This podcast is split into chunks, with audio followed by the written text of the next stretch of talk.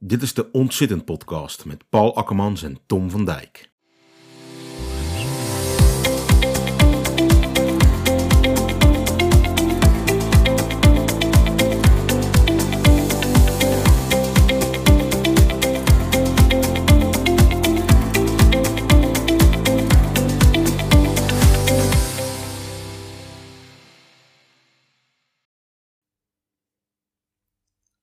Het ontstaan van onze sedentaire leefstijl.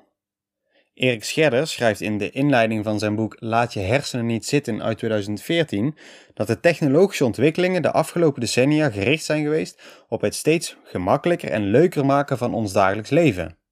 Het lijkt wel of het doel van deze ontwikkelingen is om lichamelijke inspanning te vermijden. Je moet immers vaak zoeken naar de trap terwijl de roltrap direct te zien is. Daarnaast is alles met onze smartphone of afstandsbediening te bedienen, bewegen stofzuigers en grasmaaiers zichzelf voort, gaan we massaal aan de elektrische fiets en parkeren auto's zichzelf in. Er is dus geen enkele reden meer om zelf in beweging te komen. En dat allemaal onder het motto gemak dient de mens.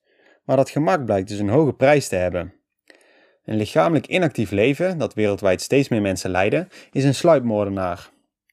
Het heeft op den duur ernstige nadelige gevolgen voor zowel de lichamelijke als de geestelijke gezondheid.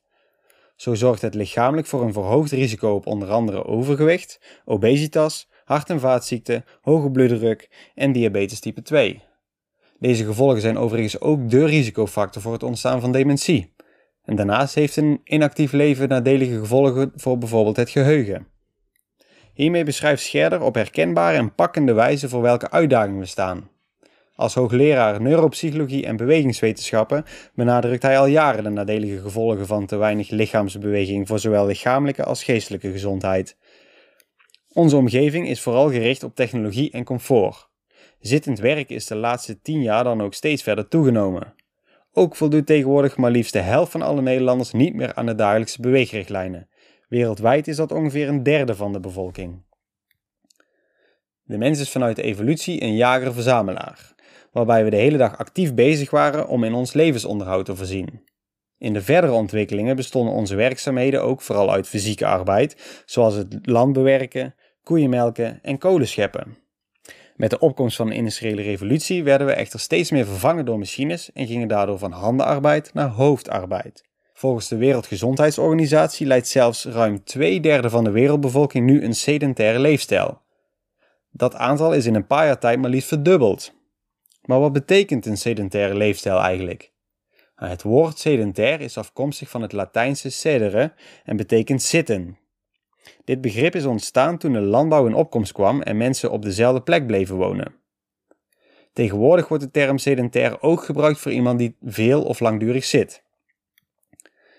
In ons lichaam wordt continu energie uitgewisseld. Via onze voeding krijgen we nieuwe energie binnen en die wordt gebruikt voor allerlei processen in het lichaam bijvoorbeeld voor het verteren van die voeding, maar ook voor de aanmaak van nieuwe cellen, het repareren van weefsels, zenuwsignalen door het lichaam sturen en het samentrekken van spieren. De hoeveelheid energie die nodig is voor dit soort processen wordt uitgedrukt in metwaarde, ofwel metabool-equivalent. Het is een maateenheid binnen de fysiologie voor de hoeveelheid energie die een bepaalde fysieke inspanning kost ten opzichte van de hoeveelheid benodigde energie in rust. En daarbij staat 1 met gelijk aan onze stofwisseling in rust, het bazaal metabolisme. Dat is dus de hoeveelheid energie die je nodig hebt als je helemaal niets doet. Sedentair gedrag is gedrag waarbij je dus vrijwel helemaal niets doet. Je zit of je ligt. Het energieverbruik daarbij komt overeen met een metwaarde tussen de 1 en 1,5 met. Voorbeelden van sedentaire activiteiten zijn tv kijken, beeldschermwerk en autorijden en kosten nauwelijks meer energie dan wat nodig is voor ons bazaal metabolisme. We moeten hierbij overigens onderscheid maken tussen een sedentaire leefstijl en een inactieve leefstijl. Want iemand kan er bijvoorbeeld wel een actieve leefstijl op nahouden door dagelijkse sporten, maar daarnaast toch grote delen van de dag aaneengesloten zitten. Hier is dan nog steeds sprake van sedentair gedrag, waarbij het regelmatig sporten niet opweegt tegen het langdurig stilzitten. Het niet of nauwelijks bewegen in het dagelijks leven neemt nog altijd sterk toe onder jong en oud. Veel mensen ervaren die inactiviteit helaas inmiddels zelfs al als normaal. Erger nog, ze vinden het eigenlijk wel prettig als er helemaal geen inspanning geleverd hoeft te worden. Een zorgwekkende ontwikkeling waarbij het er naar uitziet dat dit de komende jaren niet veel beter zal worden. De verwachting is dat we tot 2030 net zoveel zitten als vandaag. De gevolgen hiervan moeten we echter niet onderschatten. Het gebrek aan lichaamsbeweging is namelijk wereldwijd momenteel de vierde doodsoorzaak, na hart- en vaatziekten, kanker en infectieziekten. 6 tot 10 procent van alle sterfte wereldwijd is zelfs toe te wijzen aan lichamelijke inactiviteit. Nou, wat zijn dan de verwachte ontwikkelingen? We zullen allereerst in de toekomst steeds langer moeten werken vanwege de stijgende pensioenleeftijd. Daardoor hebben ouderen minder vrije tijd en zullen ze veelal langer zittend werk doen.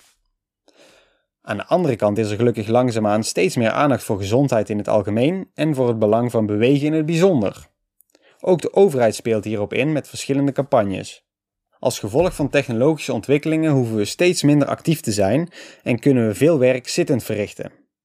Daarnaast neemt door de toename van het thuiswerken en het hybride werken het woon-werkverkeer af, waardoor mensen minder lopen en fietsen. We hoeven immers niet meer te reizen en kunnen dus meteen achter het beeldscherm. Aan de andere kant zal technologie juist ingezet worden om mensen aan te moedigen meer te gaan bewegen. Daarbij zal de toename van zelfmonitoring mensen bewuster maken van hun zit- en beweeggedrag. En via nudging, dat is het op subtiele wijze stimuleren van een gewenste gedraging, en ook met alarmsignalen vanaf je smartware of door games, worden we in 2030 gemerkt of ongemerkt, nudging dus, gestimuleerd om te bewegen. Technologische ontwikkelingen vormen dus zowel een kans als een bedreiging voor ons zitgedrag. In onze huidige samenleving ligt de nadruk steeds meer op eigen verantwoordelijkheid, ook op het gebied van gezondheid en bewegen. Een hogere bijdrage aan de zorgkosten als het gevolg van ongezond zitgedrag maakt mensen bewuster van de gevolgen van hun leefstijl. Op die manier kan men gemotiveerd worden tot een gezondere leefstijl, zoals minder stilzitten. En dat lijkt zelfs noodzaak te gaan worden. Als er niks verandert in het huidige beleid, lopen de zorgkosten naar verwachting namelijk op tot 174 miljard euro, waarbij de zorguitgaven per persoon stijgen naar 9600 euro. We zijn dan naar schatting 30 tot zelfs 50 procent van ons bruto inkomen aan zorgkosten kwijt. dat wordt dus onbetaalbaar en er zal iets moeten gaan veranderen. Daarbij vinden steeds meer Nederlanders ook dat ongezond gedrag extra belast mag worden. Zo krijgt de suikertak steeds meer draagvlak, maar helaas is de voedingsindustrie nog te machtig en houdt dit soort initiatieven door effectief lobbyen voorlopig nog even tegen. Desondanks staat deze extra belasting op sterk suikerhoudende producten wel in het coalitieakkoord 2021-2025, dus laten we er het beste van hopen. De positieve effecten van meer verantwoordelijkheid voor je beweeggedrag kunnen vergroot worden als zorgverzekeraars en werkgevers mensen voor hun leefstijl gaan belonen of straffen. Denk hierbij aan het toenemend voordeel bij meer schadevrije jaren bij autorijden. Dit is inmiddels helemaal ingeburgerd. Ook op scholen wordt tegenwoordig meer ingezet op beweging. Meer bewegen in de klas leidt tot betere concentratie en leerprestaties. In eerste instantie is het stimuleren van meer bewegen in de klas gericht op het verbeteren van het leerproces en niet op het verminderen van het aantal zituren. Maar dit is natuurlijk wel een mooie bijkomstigheid. Nederlanders vanaf 4 jaar zitten met gemiddeld 8,9 uur per dag, cijfers uit 2019, het meeste van alle Europeanen. We zijn zelfs overtuigend Europees kampioen stilzitten. Een oneervolle titel die we het liefst zo snel mogelijk kwijt moeten raken. Maar daarentegen beweegt 43% van de Nederlanders minimaal 4 dagen per week matig intensief tot intensief, terwijl dat Europees gemiddelde juist op 23% ligt. Laten we ons voor de buitenwereld daarom Europees kampioen bewegen noemen, maar onze landelijke aandacht toch vooral richten op het minder zitten. Zoals gezegd zijn we sinds de industriële revolutie steeds meer gaan zitten en in deze moderne tijden is er vrijwel geen excentrieke motivatie meer om te bewegen. Als gevolg hiervan worden we dus steeds eerder chronisch ziek, zijn die chronische aandoeningen in de meeste gevallen een gevolg van onze onnatuurlijke leefstijl en is overgewicht een steeds groter probleem. Maar toch zijn er tegenwoordig nog enkele plekken in de wereld waar mensen langer en gezonder leven dan in de rest van de wereld. Deze plekken worden blue zones genoemd, daar heb ik het eerder ook al eens over gehad. Op deze plekken worden mensen gemiddeld tussen de 90 en 100 jaar in goede gezondheid, dus zonder medicijnen of invaliditeit. Het gaat hier om de volgende vijf blue zones. Sardinië in Italië, Okinawa in Japan, Loma Linda, Californië in Amerika, Nicoya in Costa Rica en Icaria in Griekenland.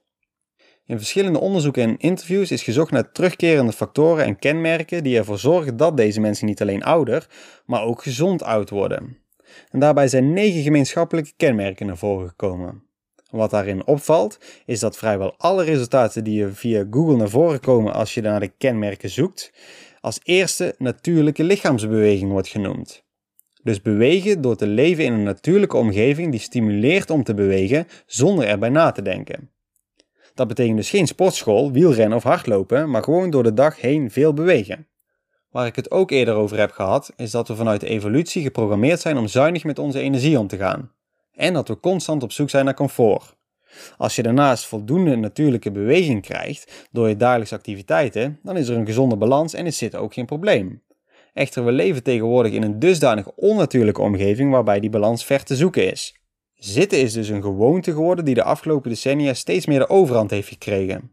En die ogenschijnlijk onschuldige gewoonte is inmiddels een serieus probleem geworden voor onze gezondheid. En het probleem van gewoonte is ook dat ze moeilijk te veranderen zijn. Veel beroepen worden ook direct geassocieerd met zittend werk. Zo denken we bij een kantoorbaan meteen aan een bureaustoel. Maar waar komt dat vandaan? En belangrijker nog, hoe komen we er vanaf? Die laatste vraag houdt mij enorm bezig en heeft onder andere tot deze challenge geleid. Deze vraag is dan ook niet zomaar beantwoord. Maar laten we eerst eens kijken naar hoe het zittend kantoorwerk is ontstaan. Nou, hoe het kantoorwerk en de bijbehorende bureauwerkplek precies zijn ontstaan is nog wat onduidelijk, maar het is in ieder geval begonnen met papierwerk. In de middeleeuwen stonden de monniken de hele dag te schrijven aan een lessenaar. En later, toen het bijhouden van een boekhouding belangrijk werd voor bedrijven, heeft het kantoor zich verder ontwikkeld. De eerste commerciële kantoren ontstonden aan het eind van de 19e eeuw in de Verenigde Staten met de komst van de industrialisatie. In die tijd begon het kantoorwerk echt toe te nemen en groeiden de kantoren steeds meer tot de vorm waarin we ze nu kennen. Door de opeenvolgende uitvindingen van de spoorlijn, telegraaf en de telefoon werd directe communicatie op afstand mogelijk. Daardoor waren administratiekantoren niet meer gebonden aan plaats waar de fabricage zelf plaatsvond. Verder zorgde de uitvinding van onder meer de elektrische verlichting, de typemachine en de rekenmachine ervoor dat kantoorwerk nog meer bevorderd werd. In diezelfde tijd is ook de ergonomie ontstaan. Het duurde echter nog tot na de Tweede Wereldoorlog voordat ergonomie tot een serieuze discipline werd ontwikkeld. En met het ontstaan van het kantoor werd een nieuwe werkvorm en beroepsgroep geboren, waarbij mensen vele uren per dag hun werk zittend uitvoerden. In die tijd nog zo'n 60 uur in een zesdaagse werkweek. Zowel toen als nu zijn het bureau en de bureaustoel de grootste kenmerken van de kantoorwerkplek. In de basis zijn deze meubels al vanaf het begin op kantoor aanwezig en typerend voor deze werkvorm. Met name de bureaustoel heeft nog wel een flinke ontwikkeling doorgemaakt. De introductie van de elektrische typemachine in 1961 betekende een revolutie voor kantoormedewerkers en het is ook in die tijd dat de bureaustoel zoals we die nu kennen veelvuldig werd toegepast omdat de typemachines namelijk een hoog toetsenbord hadden, werden die vaak op een verlaagd blad haaks op het bureaublad gezet. En daarvoor leek een verrijdbare stoel met een draaibare zitting wel handig. Maar over de consequenties voor gezond zitgedrag werd verder nog niet nagedacht. Dergelijke stoelen zouden zelfs contraproductief werken en zouden daarom tegenwoordig eerder verboden moeten worden dan door normen en arbo-instanties aangeprezen. Toch zijn ze nog altijd de standaard en in grote lijnen onveranderd gebleven. Maar waar komt dit type stoel vandaan? De bureaustoel is een bijzonder geval op het gebied van zitmeubilair. Charles Darwin, de door zijn evolutietheorie bekende bioloog, wilde sneller door zijn werkruimte rijden om zijn organismen te kunnen bestuderen. Hij liep daarbij echter tegen de beperking van zijn stoel aan en bouwde daarom wielen onder zijn vierpotige stoel. En zo is al dan niet bewust de eerste bureaustoel ontstaan met als doel de productiviteit te verhogen. Deze stoel werd toen overigens nog geen bureaustoel genoemd, maar dat betekende wel het begin van een nieuw tijdperk. In 1849 kwam in de Verenigde Staten de Centripetal Spring Chair op de markt, wat door velen als de eerste bureaustoel wordt gezien en was ook als zodanig ontworpen.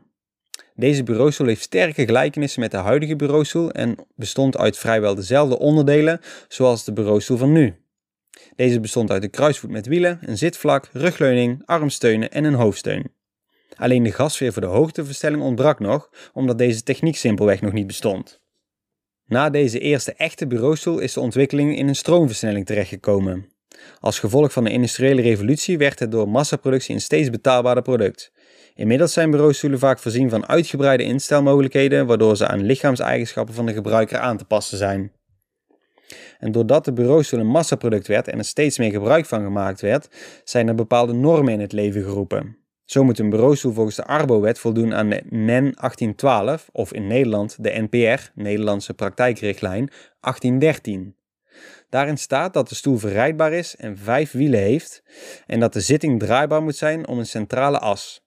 Het probleem is echter dat je hier vrijwel onmogelijk op een natuurlijke manier op kunt zitten, omdat iedere beweging om te gaan verzitten direct tot een draaiing van de stoel leidt. Je kunt bijna niet afzetten tegen de stoel om te gaan verzitten.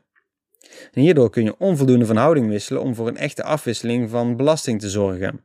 Vandaar dat dergelijke stoelen dus helemaal niet geschikt zijn voor de manier waarop ze gebruikt worden. Op basis van de kennis over ons zitgedrag en het aantal uren dat veel mensen zittend voor hun werk doorbrengen, is een bureaustoel ver van ideaal voor kantoorwerk, zoals we dat tegenwoordig uitvoeren. Daarnaast zijn ze op gericht om ons zittend te houden met alle ondersteuning en comfort. Probeer vanuit deze kennis voortaan bewuste en betere keuzes te maken. Sta op wanneer het moet, zit wanneer het nodig is en vooral beweeg wanneer het kan.